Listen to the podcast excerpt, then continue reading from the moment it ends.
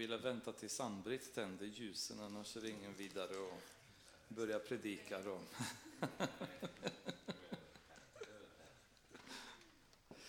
Ehm, låt oss få be och så dyker vi direkt in i Daniel tredje kapitlet. Herre, vi ber att du ska vara med oss här ikväll genom din heliga Ande. Jesus, jag ber att du ska ta över sinnet och själen hos var och en av oss som är här ikväll. Låt eh, orena tankar, världsliga tankar bara blåsas bort, Herre. Låt tyngd i hjärta och kropp försvinna. Heliga Ande, vi ber att du ska tala till oss med din styrka, med din smörjelse, Herre. Och låt oss eh, få se rakt in i din själ vad du vill säga till oss och vilken väg du vill leda oss ikväll. Låt dina ord fastna hos mig, hos de som sitter här, Herre, och få bära och låta dem bara växa i våra hjärtan och ge frukt. Vi tackar dig så jättemycket för din kärlek, Herre, och tack för din nåd. Tack för ditt ord. Amen. Då börjar vi läsa en väldigt spännande kapitel då. Och då är det Daniel, tredje kapitlet. Fortsätter vidare. Och om allt går som det ska om, och om Herren dröjer så hoppas jag att vi tar oss igenom hela tredje kapitlet ikväll. Så det blir lite att ni, ni får hänga med så snabbt ni bara kan igenom. Kung Nebukadnessar lät göra en staty av guld 60 alnar hög och 6 alnar bred. Den lät han ställa upp på Duraslätten i Babels hövdingdöme. Sedan sände han bud och kallade samman satrapper, landshövdingar och ståthållare, fogdar, skattmästare, domare, lagtolkare och alla andra makthavare i hövdingdömena för att de skulle komma till invigningen av den staty kung Nebukadnessar hade låtit ställa upp.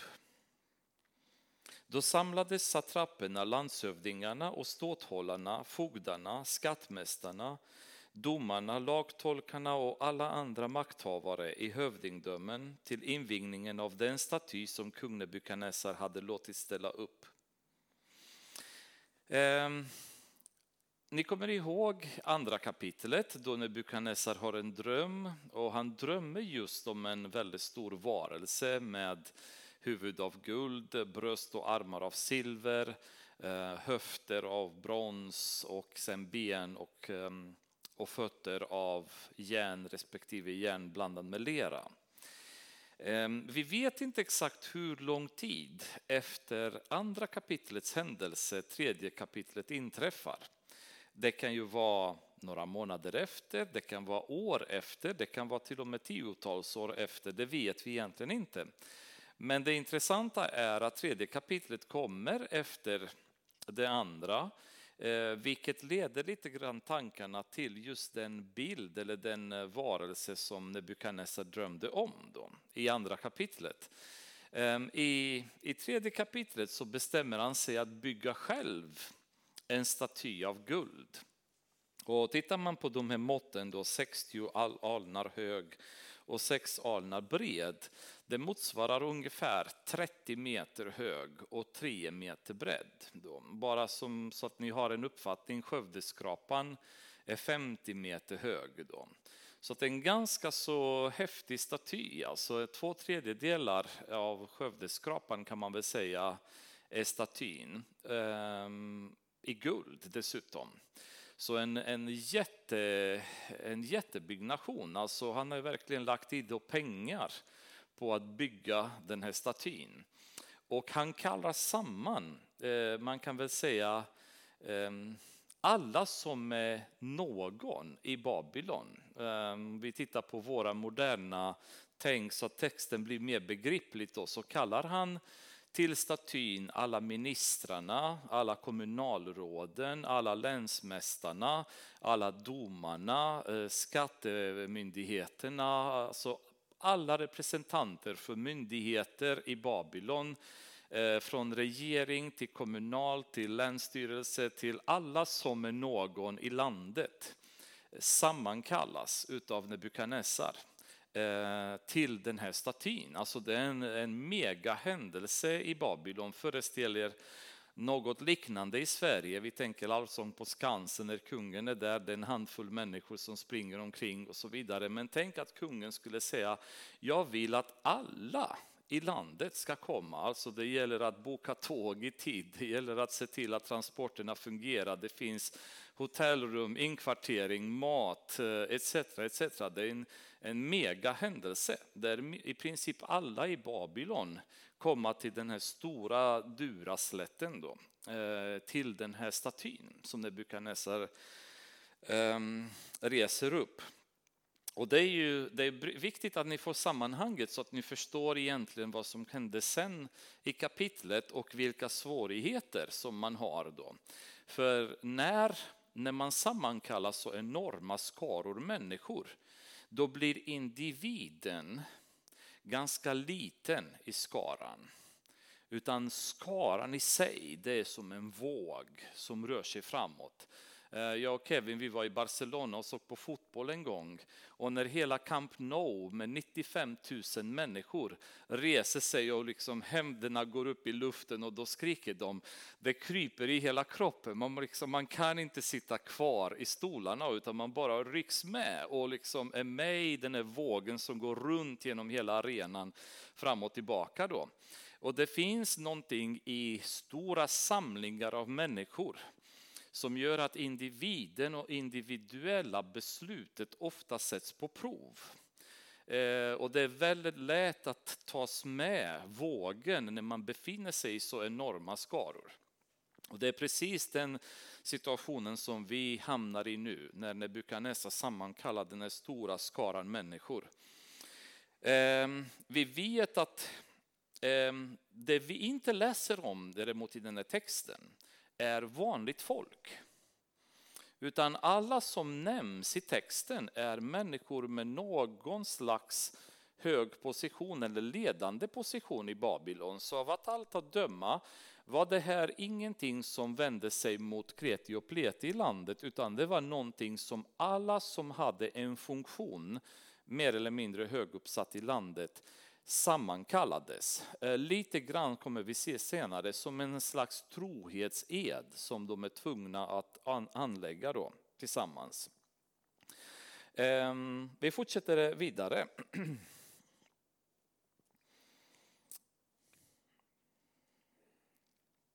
När de stod, ehm, fortsätter med andra delen av vers 3. När de stod framför den, alltså framför den statyn, utropade en herold med hög röst. Detta är befallningen till er, ni folk och stammar och tungomål. Detta talar om för oss att det var väldigt många olika nationaliteter som hade samlats där. Och man kan ju anta eh, utifrån vissa eh, namn, till exempel satrapper, det är en översättning av ett persiskt ord som betyder minister. Så vi kan ju anta att det kanske fanns meder, perser, kaldéer etc. etc. Många nationaliteter, troligen många som kanske hade tidigare också varit fångar som hade fått uppsatta positioner, precis som Daniel och hans vänner in i Babylon som sammankallades där. Då. Detta är befallningen till er, ni folk och stammar och tungomål. När ni hör ljudet av horn, pipor, citror, lyror, saltare, säckpipor och alla andra slags instrument ska ni falla ner och tillbe den staty av guld som kung Nebukadnessar har låtit ställa upp. Men den som inte faller ner och tillber, han ska genast kastas i den brinnande ugnen. Ganska enkelt. Det här är anledningen till att Nebukadnessar sammankallar alla där. Han vill helt enkelt att de ska tillbe den här statyn han har byggt upp. Ehm, och därför vill jag nämna att vi inte hittar vanligt folk i verserna utan vi bara hittar funktionärer av olika typer i riket. Det är ju så även i vanliga livet att människor många gånger eftersträvar höguppsatta positioner. Och ibland så går en del på lik för att ta sig fram och få funktioner i samhället högre och högre därför att jag får bättre lön, jag får bättre villkor och så vidare. Men man måste också vara medveten att ju högre position man kommer ha i samhället desto tuffare och tuffare kommer vi som kristna ha att stå fast vid vår tro. När vi befinner oss eh, i den, det låga skiktet av samhället så utsätts vi inte lika hårt för prövningar kring vår tro när det gäller offentligt uttalande av vår tro. Men när man är en minister i Sverige så är det väldigt svårt att tåga fram i sin tro kompromisslöst. När man är en kommunal, ett kommunalråd, en länshövding, en VD för ett stort företag etc. etc. Det blir svårare och svårare ju högre positioner vi uppnår i samhället att behålla vår ödmjuka inställning inför Guds ord, respekten och Guds fruktan och se till att vi allt vi gör så kommer vi hålla oss nära Herren och inte lätt tippar åt synd utav rädsla eh, för vår position. Tänk om jag förlorar mitt jobb, tänk om jag kommer genomgå olika konsekvenser och så vidare. Ehm, när jag kom in i eh, militären i Rumänien så ehm, blev jag sekreterare till vår kompanikapten. Och eh, han, som många andra i rumänska försvaret, söp på jobbet hela tiden då, vilket är inte alls ovanligt, utan det var alltid spriten in i hans skänk där och eh, satt och söp i princip hela tiden. Vilket gjorde att jag fick eh, skriva alla hans journaler. För han skulle skriva själv varje dag efter vi har varit ute i fält och gjorde övningar så fick han skriva en sammanfattning om vad som hade hänt, vilka övningar vi hade gått igenom och så vidare. Ehm, och det var, han hade ingen lust och ingen ork så då satt jag på kontoret och komponerade de här journalerna som bara skrev under sen själv och skickade vidare. Och en dag så ringer ehm, översten som var ledare för hela militärförläggningen, över tusen soldater var vi där. Eh, han ringer och ber att få prata med kaptenen då. Och kaptenen får kalla kårar. Han hade ju suttit och supit mer eller mindre hela förmiddagen, var rätt så full vid det laget och blir sammankallad av översten nu på möte. Och då, då säger han till mig direkt, säg att jag inte är här. Och då satt jag där och tänkte liksom, jag är en liten soldat och han är ju liksom hela kompaniets kapten. Han beordrar mig att ljuga och säga till översten att han inte är här. Och det vill jag inte göra. Men jag är ju samtidigt rädd för honom. Dessutom så hade han givit mig en ganska förmånlig position för att tack vare att jag var hans sekreterare så slapp jag väldigt hårda övningar i, i fält som många andra soldater tvingades till och slapp eh, brutaliteten som många av de mindre officerarna oftast ehm, hade gentemot soldaterna. De var rädda att ge sig på mig eftersom de visste att jag låg så pass nära kaptenen. Så de rörde inte mig medan andra soldater kunde åka på stryk och sparkar och så vidare utav löjtnanter och så. Ehm, så det, jag hade en ganska så behaglig position där som jag inte är speciellt beredd att kompromissa och tappa. Men samtidigt så visste han dessutom att jag var kristen och beordrade mig att ljuga. Och då, ehm, då stod jag där liksom och funderade, vad ska jag göra? Och då sa jag till honom lite försiktigt att ehm, jag, jag kan inte riktigt säga att att ni inte är här, utan eh, om det finns något annat sätt som, som jag kan formulera det. Säg bara att jag inte är här, säger han bara. Nej, men det kan jag inte göra, för då skulle det innebära att jag ljuger. Och det kan jag inte göra eftersom jag är kristen. Och så tittar han på mig, lite så här halvarg men samtidigt lite förvirrad. Ge mig telefonen då. Och så tar han telefonen och pratar något sånt där. I själva verket så var det ingenting. Det var bara något kort meddelande från översten. Han sa att ah, men du behöver inte komma, vi fixar det imorgon och, och var det inte mer med det. Och så tittar han därefter på mig då och säger att ehm, ja, det var ju intressant, lite sådär. Um, det ska jag komma ihåg, säger han. Jag tänkte bara, nu är jag rökt, nu kommer han försöka att sabba för mig framöver. Det visade sig därefter att han hade gått i princip till de andra officerarna och sagt, från och med den dagen, så ingen får ge Dobre en order utom bara jag. Så han, han förstod att en sån person som inte ljuger kommer inte ljuga för honom heller. Jag kommer vara ärlig mot honom, jag kommer göra det jag ska rätt mot honom, men be mig inte att kompromissa från min tro. Det var en väldigt liten grej.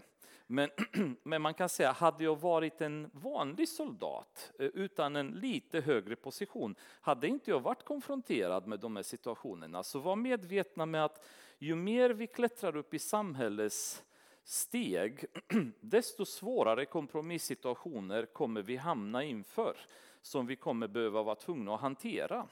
Eh, där vi kommer eh, behöva bestämma, är vi lojala gentemot vår tro eller ska vi börja tänja lite grann på vår tro och se om vi kan få in lite kompromisser. Och ni kommer ihåg Daniels inställning i början, första kapitlet. Idén var ingen kompromiss. Vi kör rent spel oavsett konsekvenser. Då. Ehm, och där befinner sig hela den här skaran nu med, eh, med höguppsatta människor som eh, ska tillbe den här statyn. Vers 7. Så snart allt folket hörde ljudet av horn, pipor, sitror, lyror, saltare och alla andra slags instrument föll de ner, alla folk, stammar och tungomål och tillbad den staty av guld som kung Nebukadnessar hade låtit ställa upp. Tycker inte ni är konstigt att det upprepas igen, eh, hela den här radan av musikaliska instrument? För det, det, det, det sades en gång förut vilka instrument var. Nu upprepas det igen, exakt samma, samma typer och samma rader igen. Då. Eh, jag skulle vilja säga när man läser sådana saker så förstår man hur noga bibelförfattarna har varit med att faktan ska, få fram, ska komma fram korrekt.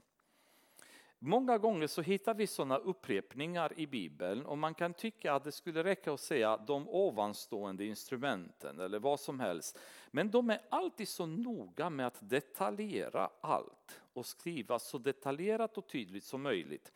Ehm, när folk eh, skrev, alltså de, ehm, de skrivare så att säga som stod och kopierade Bibelns böcker förr i tiden, alltså många, många tusentals år sedan, judiska skrivare som satt och skrev, de var så extremt införstådda med att det här är Guds ord så de var extremt noga att inte begå ett enda misstag. Om de hade glömt ett kommatecken, om vi säger ett skrivfel, eller de hade gjort ett stavfel, så var de tvungna att skriva allt från början tills det de har kommit.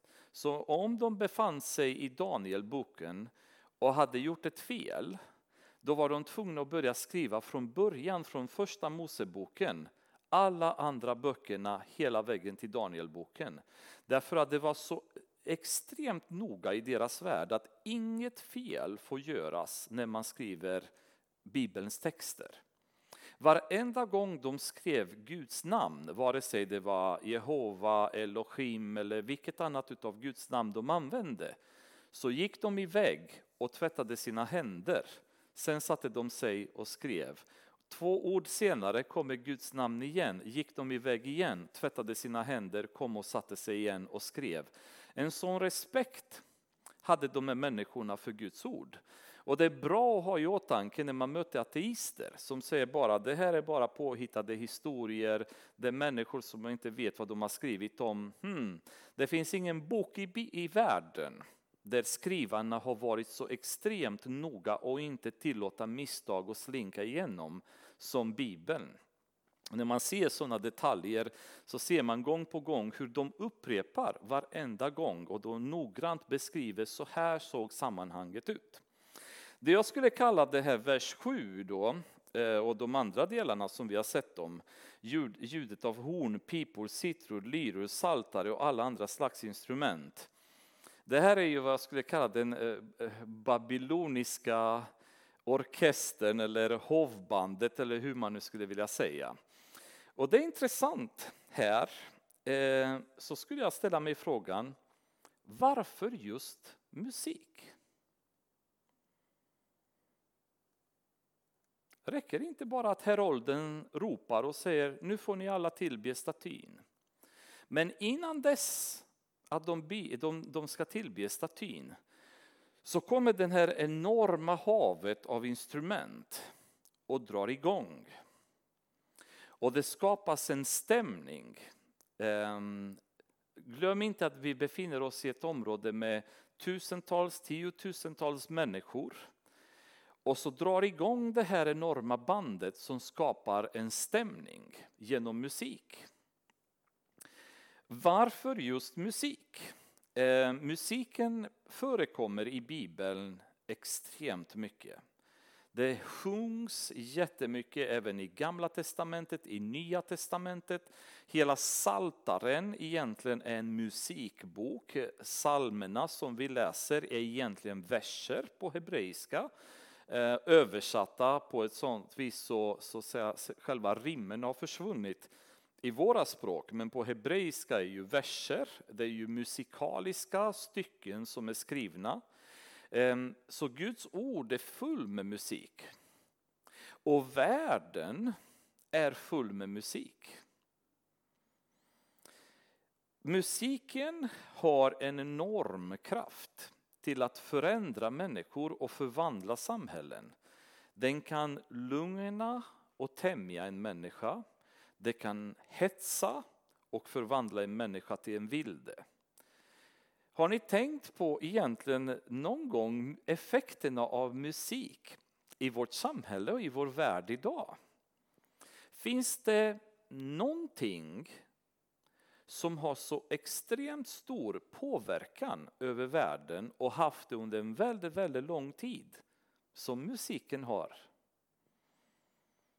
Vad annat kan göra att en människa rakar halva sitt hår, eh, gör en tuppkam utav återstående halvan, målar det i regnbågens färger, piercar näsan, öron, läppar, eh, ögonbryn, vad som helst om inte musiken just. Så som mus musikidolerna beter sig så beter sig dagens ungdomar. De kläder som musikstjärnorna använder används av oss idag, människor. Trender skapas genom musik, politiska rörelser skapas av musik. Politiska rörelser underhålls av musik. Um, ni kommer väl ihåg hippierörelsen, hippietiderna, hur mycket av knarket som flödade i världen på den tiden uppmuntrades utav Bob Dylan och Jimi Hendrix och musikband som på den tiden var så populära, Rolling Stones, Beatles etc. som genom sina texter propagerade för frigörelse av hjärnan och experiment av drog, droger och så vidare. Um, vare sig man befann sig i USA eller Europa så var det en våg av musik som, som influerade människor till att börja ta droger, till att supa. Eh, när eh, punkmusiken kom, eh, när punkbanden trädde fram viftande med spritflaskor, drickas, sjungas så att säga fulla på scen, stod och kastade instrument och mikrofoner och skrek och gormade. Vad hände då? Det blev en rörelse i samhället av människor som började bete sig på samma sätt.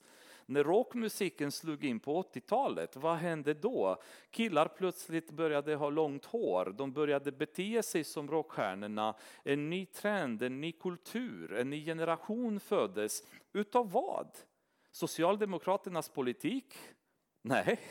Eh, USAs politik? Nej. Kommunism? Nej. Musik. Det var det som skapade nya rörelser, nya generationer i världen. Musikens kraft är otroligt stor. Och det är lika stor idag som då. Att Nebukadnessar drar igång och skapar det här enorma havet av musik för att piska upp en stämning inför den tillbedjan som man sen skulle beordra.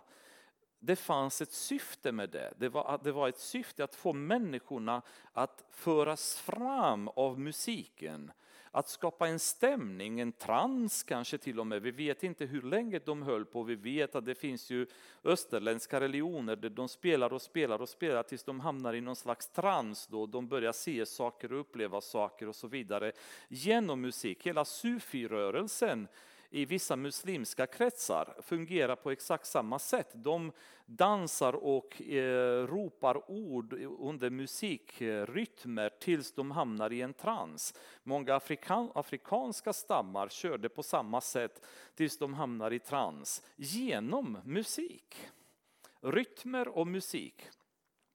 Eh, man kan nästan säga att Säg mig vilken musik du lyssnar på så kan jag säga till dig vad, vad det är för slags människa du är. Och det är väldigt viktigt att vi är medvetna om detta även i församlingen. För kyrkan är inte skonad från detta. I församlingen så försöker hela tiden musik från världen att tränga igenom. Jag tror inte att det finns ett sätt för oss att säga att den här musiken är bra, den här musiken är dålig och så vidare. Men alla som sysslar med musik i församlingen måste vara väldigt, väldigt vaksamma att den musik vi spelar i kyrkan, sjunger, det ska vara en musik som är inspirerad av heliganden.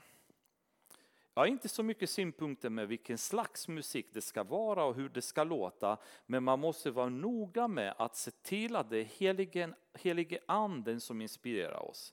Så vi inte bara tittar på vad är det som är populärt i världen och då tar vi samma sak och flyttar in i kyrkan. För det är inte världen som ska skriva agenda för vilken musik vi ska ha i församlingen.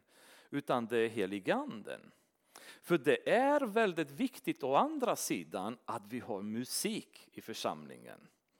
Eh, öppna med mig till Efesierbrevet femte kapitlet.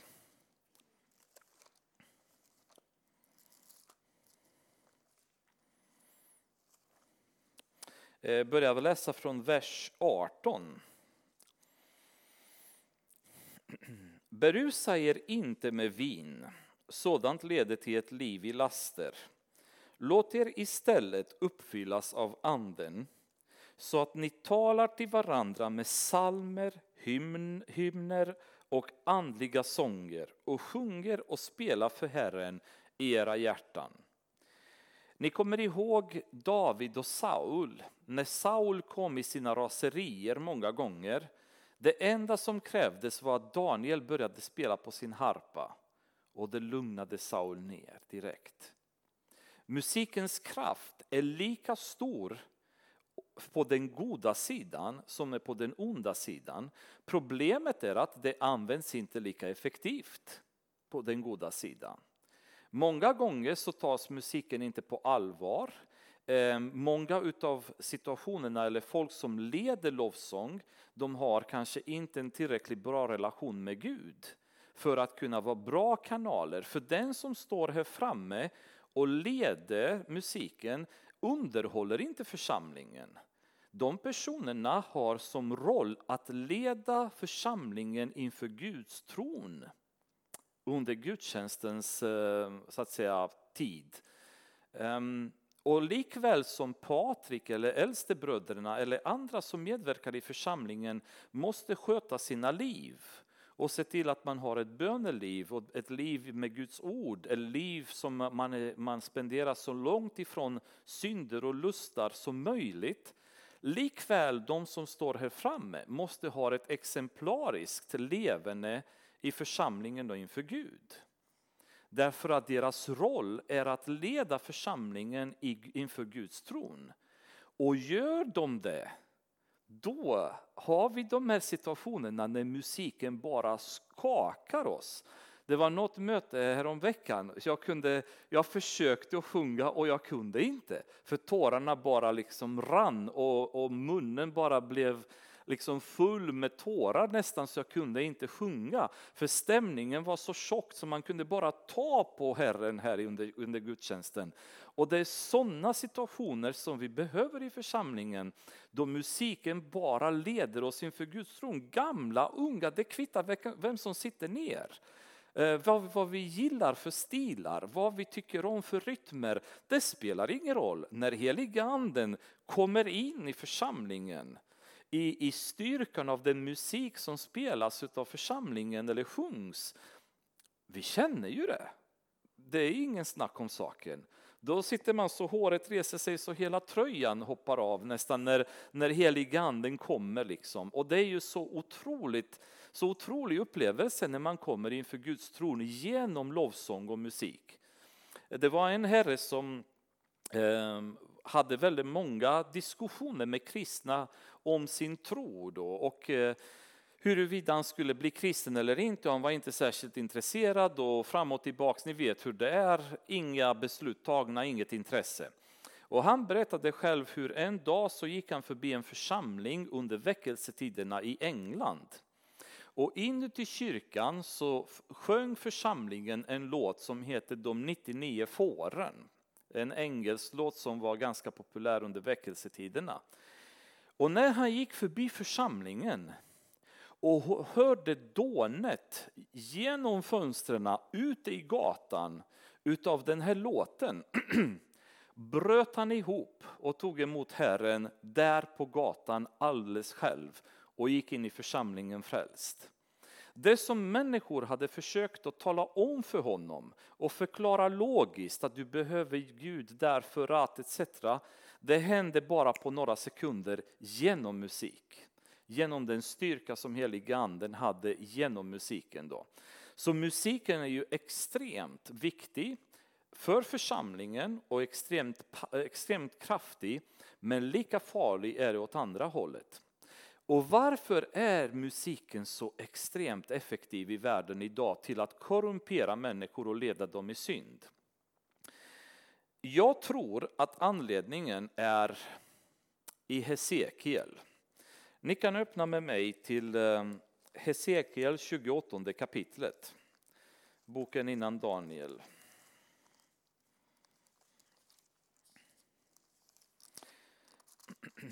Den eh, i 28 kapitlet så är det en, en av vad ska man säga, Bibelns ganska klara beskrivningar utav djävulen och den position som han hade i himlen tidigare.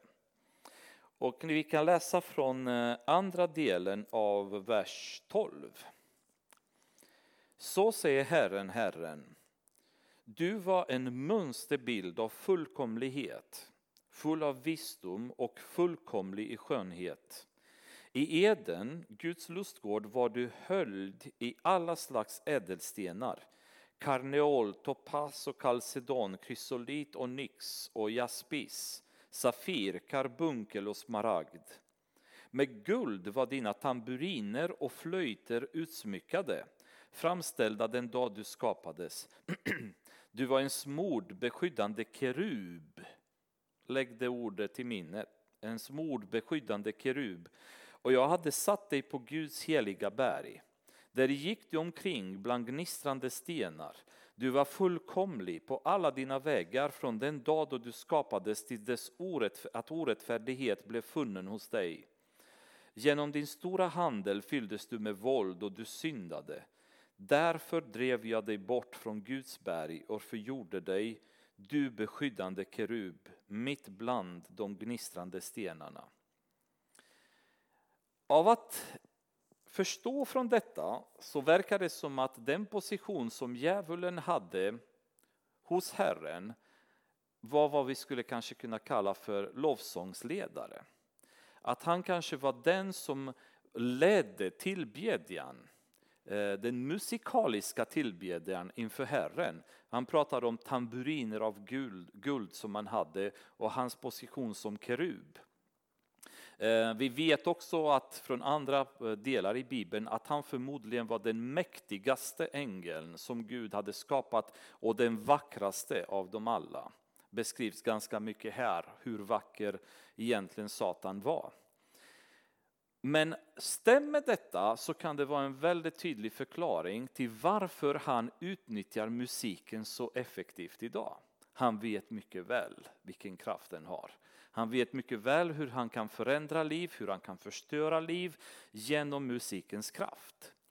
Ehm, och det har säkert hänt många av er att ni sitter och en låt drar igång och så känner man bara direkt sådär, alltså det, det, går inte att sitta still. Fast den låten kan vara till och med hur ogudaktig som helst. Det kan vara svordomar i det, det kan vara vad som helst. Men rytmerna och musiken är så häftig så även om man är, man är kristen så är det nästan som att man måste tvinga sig själv att sitta still och inte börja hoppa upp och, och röra på sig då. Eh, det är, det är otrolig kraft i musiken. Så även när vi använder intellektet, även när vi vet att det här är en musik vi inte ska digga som det sägs, så gör vi det ändå. Därför att det är så extrem kraft i det. Så det krävs verkligen att man lever nära Gud för att ha den här styrkan och säga stänger av liksom. Det här ska inte jag lyssna på. Gå vidare. Jag eh, lyssnade på en pastor som berättade att eh, i början på hans kristna karriär så var han på ett möte och han bara sa, man gick ju på moln därifrån. Det var helig ande och det var stämning och det var allt rätt, predika rubbet. Så kommer därifrån nyfrälst, livet var bara glatt och vackert, kommer från mötet, sätter sig i bilen, trycker på radion och så kommer Ozzy Osbourne där som börjar liksom sjunga på radion. Och, och, han var ju väldigt intresserad, tycker rock var väldigt bra och så skrek Ozzy i radion allt han bara kunde. Och så kände han när han åkte bil hur den här andliga stämningen som han hade kommit ur församlingen med, hur det började dräneras ur honom hur det började ersättas av en annan stämning förmedlad utav Asien genom musiken. Och Black Sabbath det var inte ett band som var speciellt eh, gudaktigt att lyssna på, alltså ganska fula texter av alla typer. Då. Eh, tills han började känna liksom, vad hände? Vad gör jag? Varför lyssnar jag på det här? Då stängde han radio, fortsatte sen att be och så kände han bara, nu kommer, nu kommer det igen. Nu kommer Herren tillbaka. Så den, den stunden av musik som man släppte igenom sin hjärna då, det räckte att nästan ta bort effekten av en hel gudstjänst som man hade varit på under förmiddagen. Så den kraft så att säga som musiken har och den, det, det sätt som djävulen utnyttjar det idag ehm, är väldigt, väldigt stark. Så ehm, jag tror att många även äldre, ehm, men många av dagens ungdomar, de har det väldigt, väldigt tufft att kämpa i en värld full av ogudaktig musik som kommer i alla dess former, vare sig vi pratar rap, eh, rock, reggae, ehm, house, vad som helst som sjungs där ute prisar inte Herren. Det är så enkelt. Ehm, jag känner själv att man är inte fullkomlig, tyvärr så lyssnar man ibland på sån musik.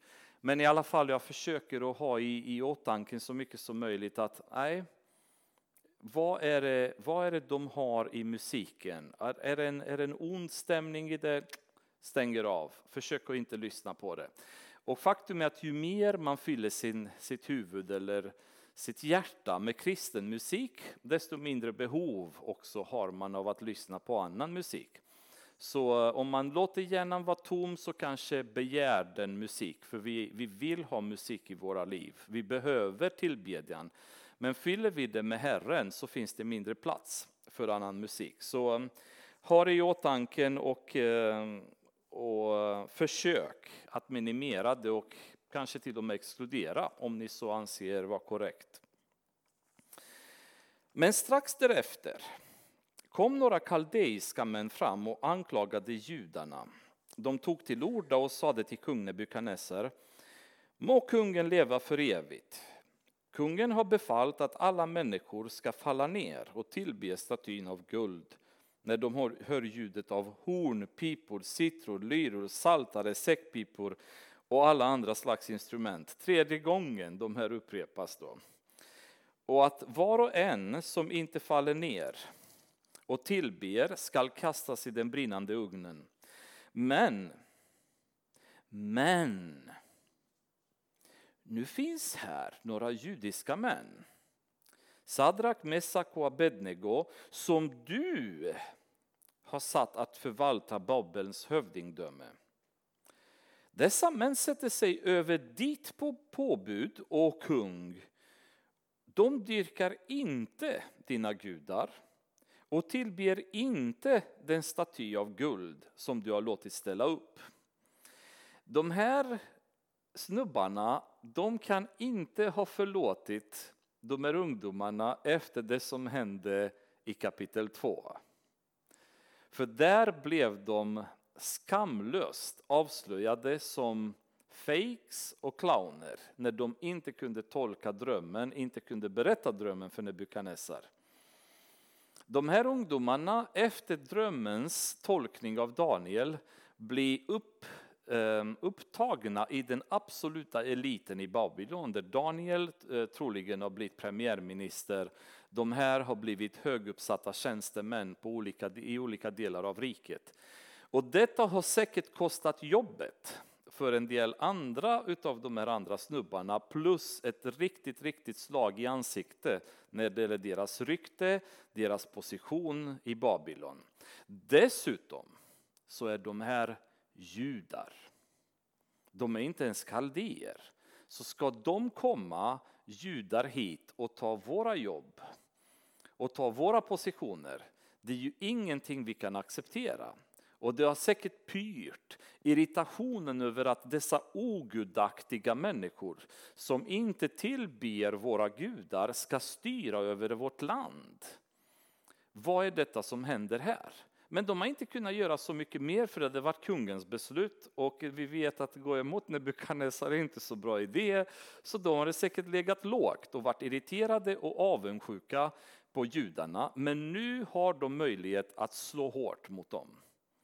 Och de kommer till Nebukadnessar och säger de här tre, de har struntat i att tillbe statyn. De bryr sig, bryr sig inte om dina gudar och de bryr sig inte om dina påbud. Då befallde Nebukadnessar, alltså man kan säga att de är tre, de var inte med i gänget helt enkelt. De var för ärliga, för eh, rättfärdiga i sitt sätt att leva och det var som en törn eh, så att säga, i sidan för alla de här kaldeiska fina männen. Då. Eh, och det, det kommer bli samma sak för oss kristna. Alltså ju mer vi inte tillhör gänget på våra arbetsplatser, i våra samhällen, i våra lag där vi spelar, ju mer vi, vi lever ett rättfärdigt liv, desto mer irritation kommer omgivningen känna över oss utan att vi behöver göra någonting fel. De kommer söka att förgöra oss på olika sätt utav ren avund och irritation därför att vi är inte som dem. Så det är bra om man har i åtanke att det finns ingen anledning för oss att söka kärlek eller eh, acceptans hos de här människorna, för vi kommer inte få det. Vi tillhör inte den här världen, vi tillhör en annan värld och det blir alltid en krock mellan oss och dem. Då befallde Nebukadnessar i vrede och förbittring. Han, han kommer i sitt vanliga humör Nebukadnessar. Än så länge var det lugnt, det var trivsamt. Statyn är uppe, tusentals människor framme, musiken blåser på som bara den. Allting händer enligt planerna, men nu snärtar han till direkt. Ehm, I vrede och förbittring att man skulle föra fram Sadrak, Mesak och Abednego. När man hade fört fram dem inför kungen sade Nebukadnessar till dem är det sant att ni Sadrak, Mesak och Abednego inte dyrkar mina gudar och inte tillber den staty av guld som jag låtit ställa upp? Notera att det är tvåeggad fråga här. Är det sant att ni inte tillber mina gudar? Ja, man tycker ju att vid det här laget borde Nebukadnessar ha vetat att de inte gör det, därför att kapitel 2 var de ganska noga med att tala om för honom vilka gudar de tänker tillbe, och vilka, eller vilken gud de tänker tillbe och vilka gudar de inte, inte har i åtanke. Ehm, vad sa Daniel till honom kan man säga, andra kapitlet, vers 37 till 38. Sa Daniel så här, du är konung, konungarnas konung, som himlens Gud har givit rike, väldighet, makt och ära. I din hand har han gett människorna, djuren på marken och fåglarna under himlen, var de än bor. Och han har satt dig till herre över allt sammans, du är den gyllene huvudet. Alltså Gud har satt dig på de här positionerna. Och det är honom som vi tillber. Det har de gjort klart för honom redan i andra kapitlet. Antingen har det gått för lång tid och Nebukadnessar har glömt, eller i sin vrede och förbittring så blir han bara irriterad över detta och kommer ihåg att just det, ni tillber inte mina gudar. Är det sant att ni inte gör det? Nummer två, är det sant att ni inte tillber min staty? Och här är det intressanta i det. Utav detta så anser jag att det finns ganska stor sannolikhet att statyn som han hade rest upp var en representation av honom och inte av hans gudar. Gudarna var en annan sak, men ni tillber inte mina gudar och ni tillber inte den staty som jag hade byggt upp. Och jag kan ändå inte släppa parallellen till andra kapitlet, huvudet av guld. Där jag, det är jag, kung Nebukadnessar, har vi lärt oss att han var. Nu bygger han hela statyn av guld och kräver att alla ska tillbe det. Det finns en ganska stor sannolikhet därav tror jag att den statyn skulle egentligen representera honom. Det var inte ovanligt på den tiden heller att kungarna betraktade sig själva som gudar. Romarriket, det var allas kejsarna, de var betraktade som gudar till exempel. Så det var ganska vanligt, mycket möjligt att det var precis det han var ute efter här också, att de ska tillbe honom. Eller så kan det vara en symbol av en annan gud. Tveksam vilket, men jag tror det lutar ganska mycket åt att han ville få en tillbedjan genom den statyn och därför irritationen då. Allt är nu väl om ni faller ner och tillber den staty som jag låtit göra när ni hör ljudet av, och nu kommer de igen, horn, pipor, citror, lyror, saltare, säckpipor och alla andra slags instrument. Men om ni inte tillber ska ni i samma stund kastas i den brinnande ugnen och vilken Gud ska då kunna rädda er ur mina händer? Jag kan ställa frågan, vad är poängen med påtvingad tillbedjan?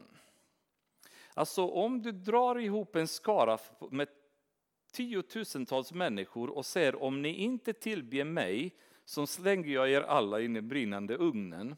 Vilken värde har den tillbedjan då?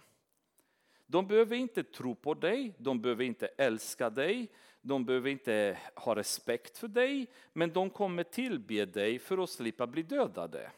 Men vilket värde har då den tillbedjan?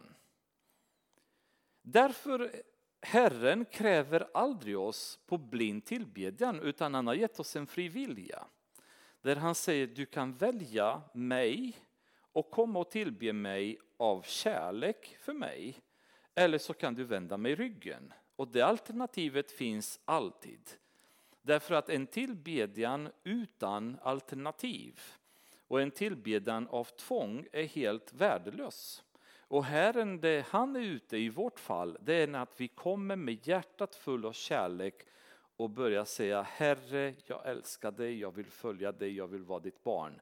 Då finns det ett värde i den tillbedjan. Tänk på detta i församlingen. När vi sitter under ett möte och lovsång eller tillber Gud på olika sätt. Kopiera inte andras beteende i tillbedjan därför att det är fullständigt värdelöst. Om en hoppar upp och viftar med armarna, en annan faller ner på knäna, eh, någon rör sig eller någon dansar eller vad som helst. Gör inte det därför att någon annan gör det, för det har ingen som helst betydelse i Guds ögon. utan lyssna till ert hjärta och gör det som ni ser ärligt komma från ert hjärta under, under lovsången eller gudstjänsten för den delen. Um, så, så kallat kopierat beteende tycker jag är ganska äckligt och irriterande i församlingar. Ehm, man kan gå till kyrkor där man hör människor, alltså jag kan, gå, jag kan säga direkt om jag, om jag, om jag sätter mig i en församling med, med liksom någon förbundna ögon och som börjar de be, så kan jag från det sätt de be nästan så att säga, gissa att amen, det måste vara ett Livets ord församling. Det finns ett visst sätt att be, det finns ett visst sätt att andas när man ber, ett visst sätt att betona eh, namnet Jesus när man ber, etc. etc. Ett beteende vi har lärt oss av varandra och kopiera någon annans sätt att be, någon annans sätt att göra saker. Och ibland så gör vi det omedvetet, ibland så gör vi det medvetet därför att vi tror att vi måste be på det sättet för att kunna bli omtyckta av Gud. Men det måste vi inte, därför att Gud ändå ser till vårt hjärta. Så den här krimskramsen som vi tar i vår, vår tillbedjan är fullständigt värdelös inför Gud. För han ser till vårt hjärta.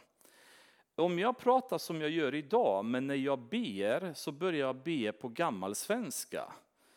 Det blir lite konstigt, eller hur? Därför att det här är inte jag, jag pratar inte så här. Så hur kommer det sig att nu när jag ber så ändrar jag till gammaldags svenska? Jo, utav den enkla anledningen att det skapar mer effekt i församlingen. Så jag är inte ute efter att vara ärlig i min bön till Gud, utan jag är ute efter att skapa en viss stämning i kyrkan. Och detta är helt värdelöst och en mänsklig grej som tror jag många gånger hamnar mellan oss och Gud och blockerar en ärlig relation till Herren. Om någon sitter i bänken med huvudet mellan knäna när alla andra hoppar upp i kyrkan utav ren entusiasm, därför att den människan är bruten i sin själ just nu och sitter där inför Herrens tron och ber och gråter, undersuperbart skulle jag säga. Det är ju precis det man ska göra. Han ska inte hoppa upp och dansa när han är helt bruten och är i en helt annan sinnesstämning inför Herren då. Så vi ska vara väldigt noga när vi beter oss i grupp därför att det ofta smittar av sig och vi vill göra vad någon annan har gjort. Utan hela tiden låt hjärtat bestämma. Ehm, det har funnits situationer under vissa lovsånger och sånt när, när vi har stått upp och jag bara kände liksom att jag kan liksom inte, nej det känns, liksom man har satt sig ner, kanske när alla andra stod upp, men på något sätt så kände jag bara, det här känns så rätt. Liksom jag, mina tankar är på ett an, en annan våglängd just nu. Jag kan inte, inte stå upp eller ha mina händer uppe för jag är i en annan våglängd just nu i min kommunikation med Herren. Och det är jätteskönt om vi känner den friheten i församlingen, framförallt när man leder lovsång och så vidare, att man tillåter friheten att en del sitter, en del böjer knäna, en del kanske står upp, en del höjer händerna. Um, vad är korrekt? Ingen aning. Det är det som hjärtat säger. Det är det som man känner i sin relation med Gud, att jag vill uttrycka mig gentemot Herren.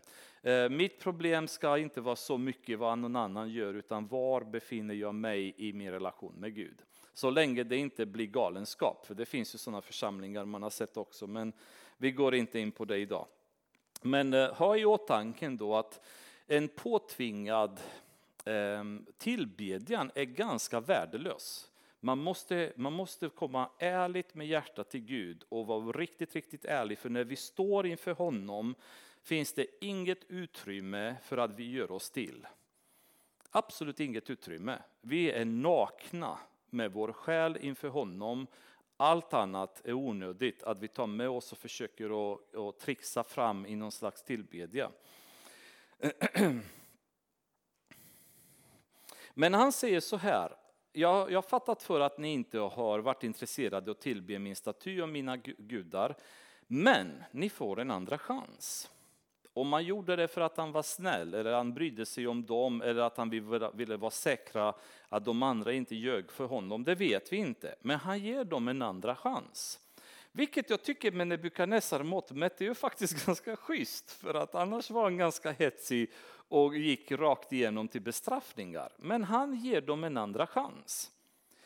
Men då kommer häftigaste svaret som jag önskar att vi alla, när vi kommer befinna oss ansikte mot ansikte med förföljelsen för vår tro, oavsett vilken form den kommer, lär er det här svaret och använd det. Då svarade Sadrak, Messak och Abednego kungen. Åh Nebukadnessar, vi behöver inte svara dig på detta.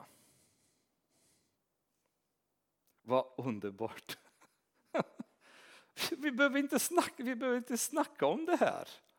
Eh, det, det är, ett, det är en icke-diskussion för oss.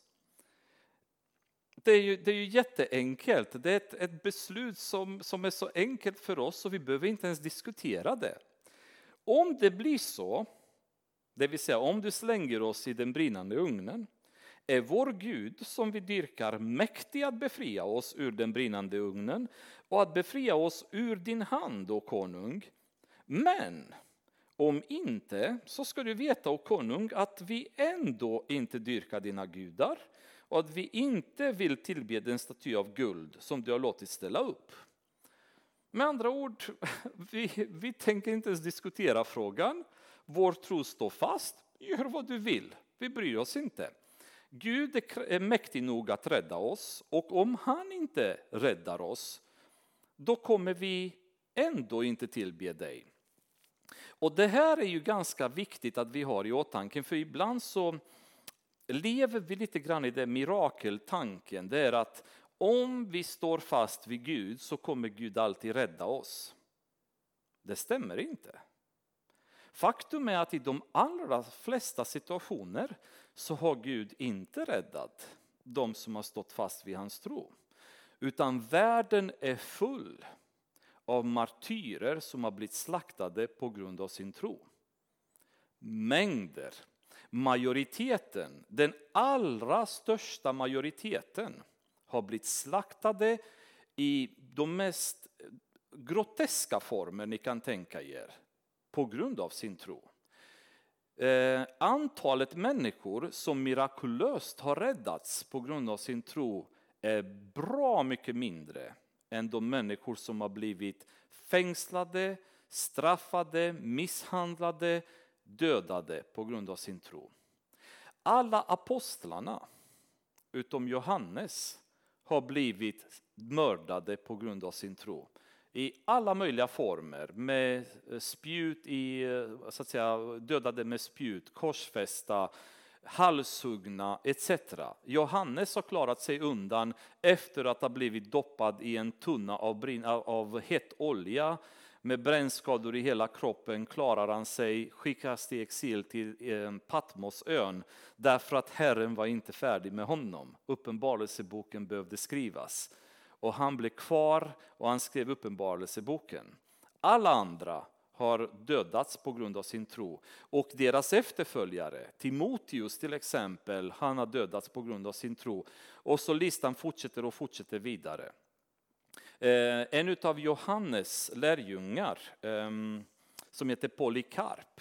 Han är en av dem som eh, för mig, hans exempel har betytt jättemycket genom åren. Första gången jag läste det så var jag en tonåring. Då det började en ganska tydlig förförelse i romarriket efter kristna och Polikarp han var biskop i Smyrna mycket hög ansedd, mycket stor så att säga, ansedd människa med en fantastisk lära. Han hade liksom fått eh, all, all lära direkt från Johannes. Eh, så att man kan säga att väldigt, väldigt nära de som har varit med Jesus. Och eh, en väldigt duktig predikant startat en väldigt levande församling där i Smyrna. Till slut så började folk bli irriterade på honom och när kejsaren drar igång en förföljelse av kristna så letade de reda på honom. Han brydde sig inte, han tyckte att eh, om de vill ta mig så får de ta mig. Men kristna insisterade jättemycket att han skulle fly då för att inte bli dödad. Då, då eh, flydde han till en liten, ett litet hus eh, en bit utanför staden efter några slavar har blivit eh, tagna av romarna under tortyr så har de avslöjat var Polycarp befann sig. Romerska soldaterna kom fram för att föra honom därifrån. När de kom fram, Polycarp som var i, ja, mer än 80 års år gammal då, så bad han soldaterna att bara ge honom en timme så att han kunde be till Herren. Och soldaterna var så på något sätt tagna av den här människans Eh, Eh, sätt att vara så de bestämde sig att vi stannar kvar och vi avvaktar så du ber. En timme gick, två timmar gick, flera timmar gick för bönen bara kunde inte sluta. Till slut så avbröts han av soldaterna och eh, fick komma därifrån. Men på kuppen, en av soldaterna blev så berörd att han själv så att säga började fundera på att omvända sig till Herren. Då. Han togs till eh, kejsaren och Eh, han, de skulle binda fast honom och bränna honom levande. Och Polycarp sa det är ingen idé att ni binder mig fast vid en påle därför att jag, jag kommer inte fly därifrån utan det, det kan, jag behöver inte att ni binder fast mig. Men då sa kejsaren till honom att du har en chans nu. Om du avsäger dig eh, din kristna tro, om du avsäger dig Jesus, då får du leva. Och nu var det en arena, en sån här kolosseumliknande arena full med människor som tittade på hela det skådespelet. Och Polycarp ropar därifrån eh, så att säga själva bålen där de hade ställt honom på. Han ropar därifrån och ropar till kejsaren och säger, och säger i 86 år har jag tjänat honom och han har aldrig någonsin gjort, något mig, gjort mig illa.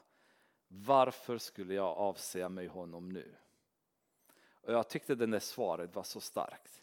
De här människorna som det blir lite jobbigt i livet, bara försvinner från kyrkan, vi är inte intresserade längre. Gud är lite elak mot oss. Eh, han är inte snäll, förresten någon i församlingen är inte så trevlig som jag hade förväntat mig. Hur kan man så lätt avsäga sig Jesus? Hur kan man så lätt vända Gud ryggen när under alla år vi har levt med honom har han aldrig någonsin gjort oss illa. Han har alltid älskat oss, han har alltid välsignat oss, han har alltid tagit hand om oss. Varför ska vi då avsäga oss honom? Eh, att det är jobbigt, att det är tungt, att det är eländigt ibland är en anledning till att vända Gud ryggen. Polikarp stod där och sa det finns ingen anledning för mig att vända honom ryggen. De tände bålen och det började brinna. Men till allas förvåning så kunde inte eldsflammorna nå honom. Han stod mitt i elden, elden runt omkring brann men han brann inte. Ehm, då skulle man kanske tycka ett mirakel sker, och det var ett mirakel. Till slut dock, en, rom, en romersk ehm, soldat tog en spjut, kastade i honom och eh, dödade honom med spjut. Han räddades inte av Herren. Men in i det sista var han Herren trogen. Stefanos i Bibeln, Apostlagärningarna räddades inte av Herren.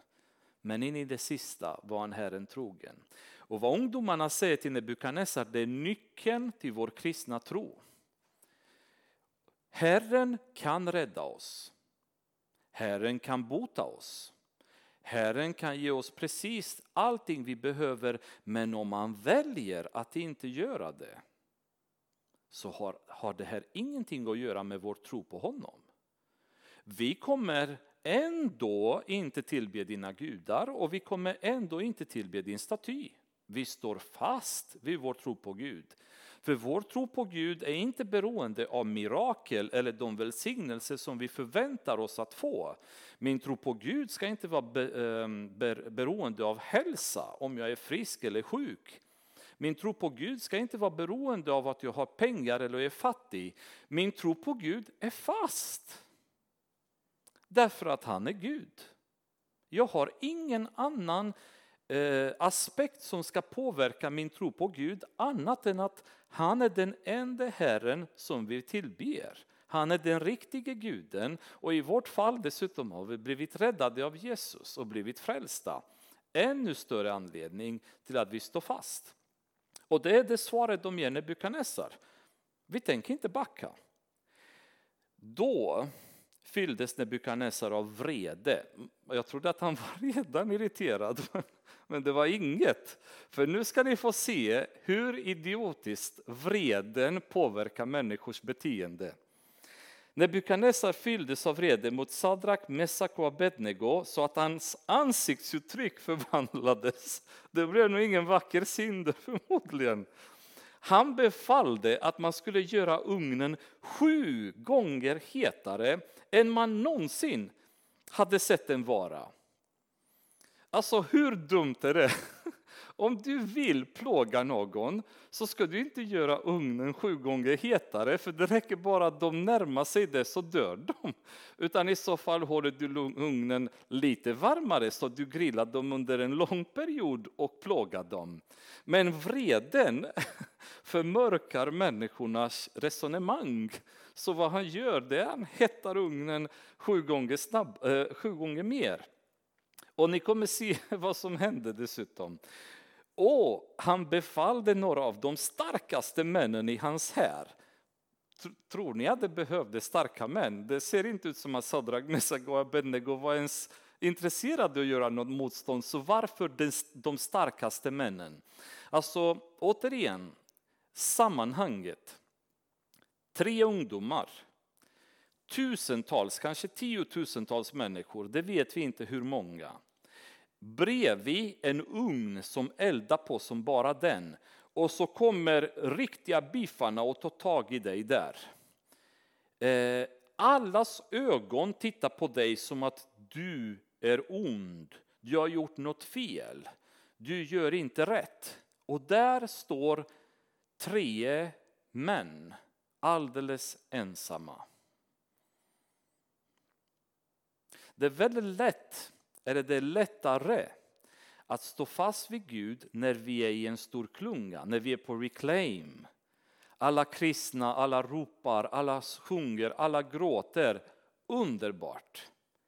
Men vad gör vi när vi står ensamma mitt i ett hav av människor som ropar att vi ska bort?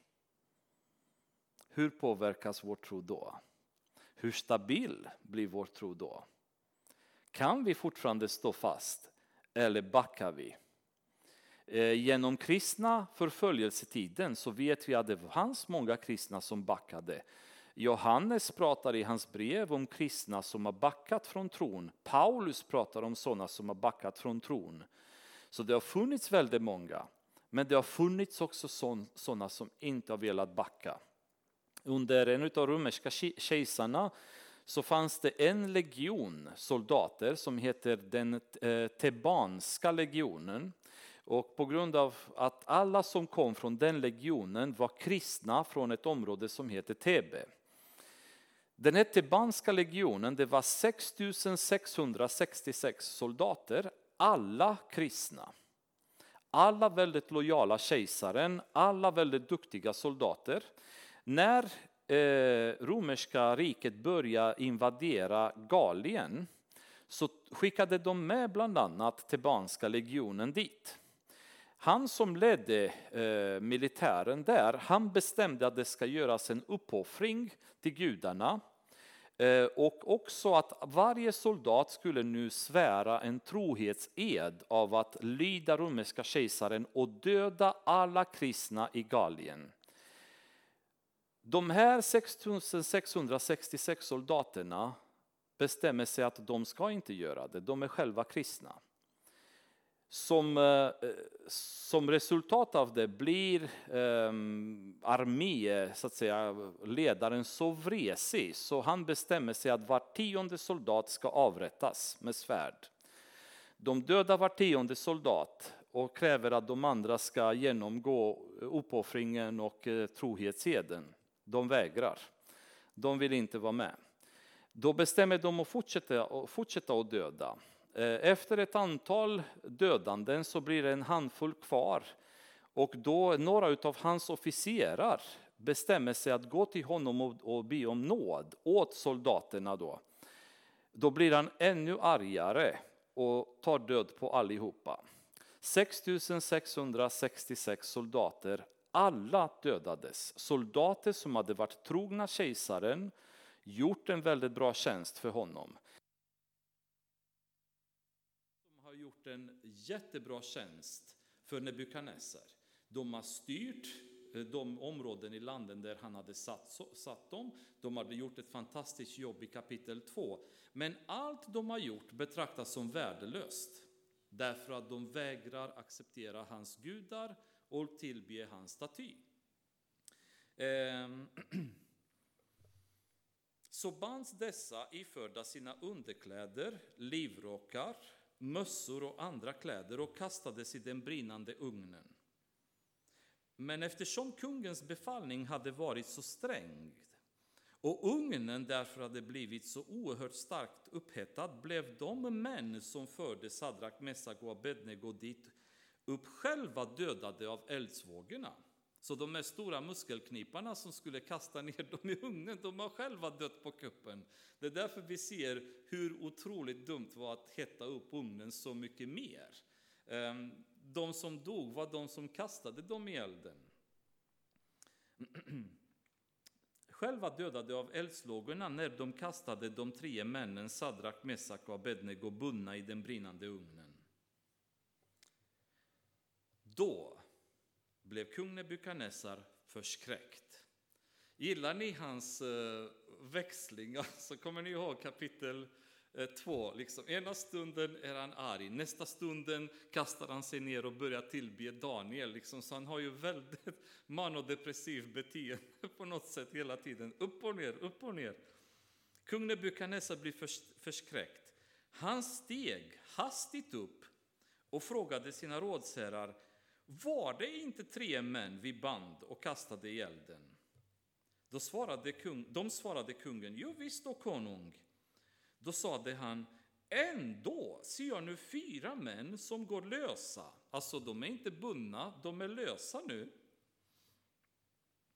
Och lediga inne i elden, och de är helt oskadda. Och den fjärde ser ut som en gudason. Sedan gick Nebukadnessar fram till den brinnande ugnens öppning och ropade Sadrak, Messak, Abednego, ni den högste guden kännare. Oj, nu kommer han ihåg.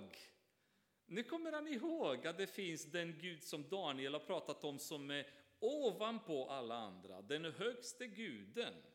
Nu plötsligt kommer han ihåg så han visste ju hela tiden egentligen. Han visste vilken Gud de tillbad och han visste varför de inte tillbad det. Men han låtsades inte veta för att han var så arg.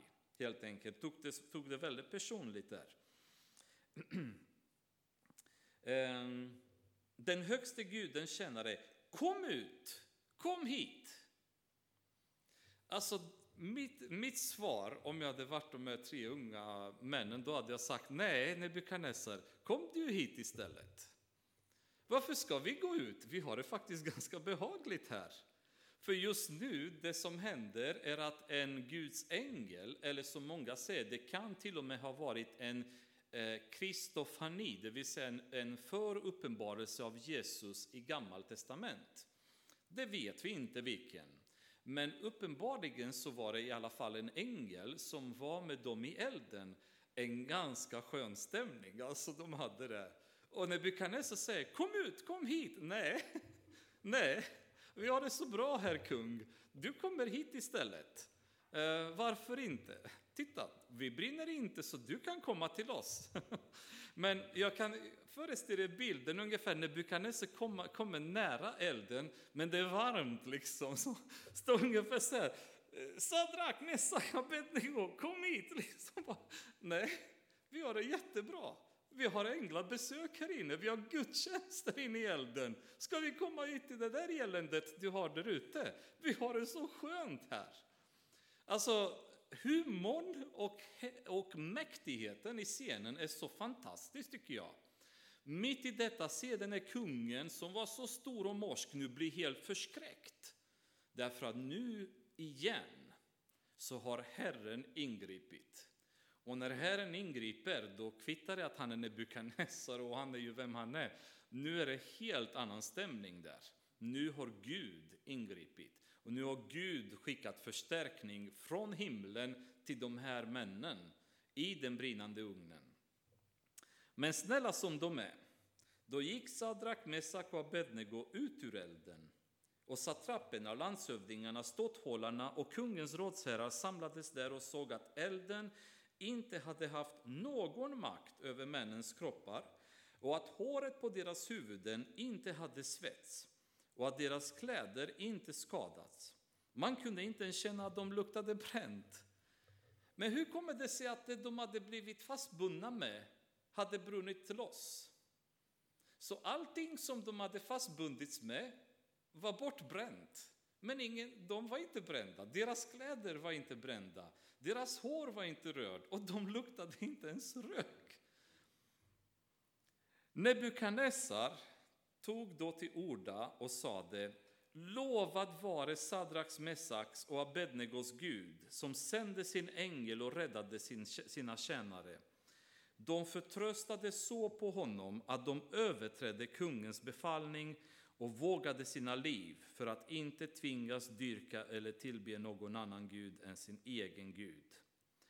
Härmed befaller jag nu att vem det vara må av alla folk och stammar och tungomål som säger något ovärdigt om Sadraks, Mesaks och Abednegos Gud, han ska slitas i stycken och hans hus ska göras till en sophög. För det finns ingen Gud som kan hjälpa så som han. Därefter lät kungen Sadrak, Mesak och Abednego få stor ära och makt i Babels hövdingdöme. Nebukadnessar har blivit frälst, eller hur? Nej, nej. Kapitel 4 kommer. Och det kommer ni se att han glömmer bort den här händelsen igen då. Men det häftiga är eh, hur hans attityd förändras. Att han ändå är ärlig att erkänna detta. Att han inte fortsätter i sin stolthet, utan att han är beredd att acceptera att det här var häftigt. För dagens människor, när ett mirakel inträffar, så säger de bara att det var bara en tillfällighet. När en kristen som ligger på dödsbädden vaknar utan cancerceller i kroppen säger läkarna att det måste bara ha hänt någonting. Det var någon tillfällighet, det var någon medicin vi inte känner, det var någon, någon bild på röntgen som vi kanske såg fel på och så vidare. och så vidare. Han accepterar att det här var en händelse som tyder på att Gud är mäktigast och Gud är den som är rätt. Dessutom så börjar han hota igen, då, fast åt andra hållet.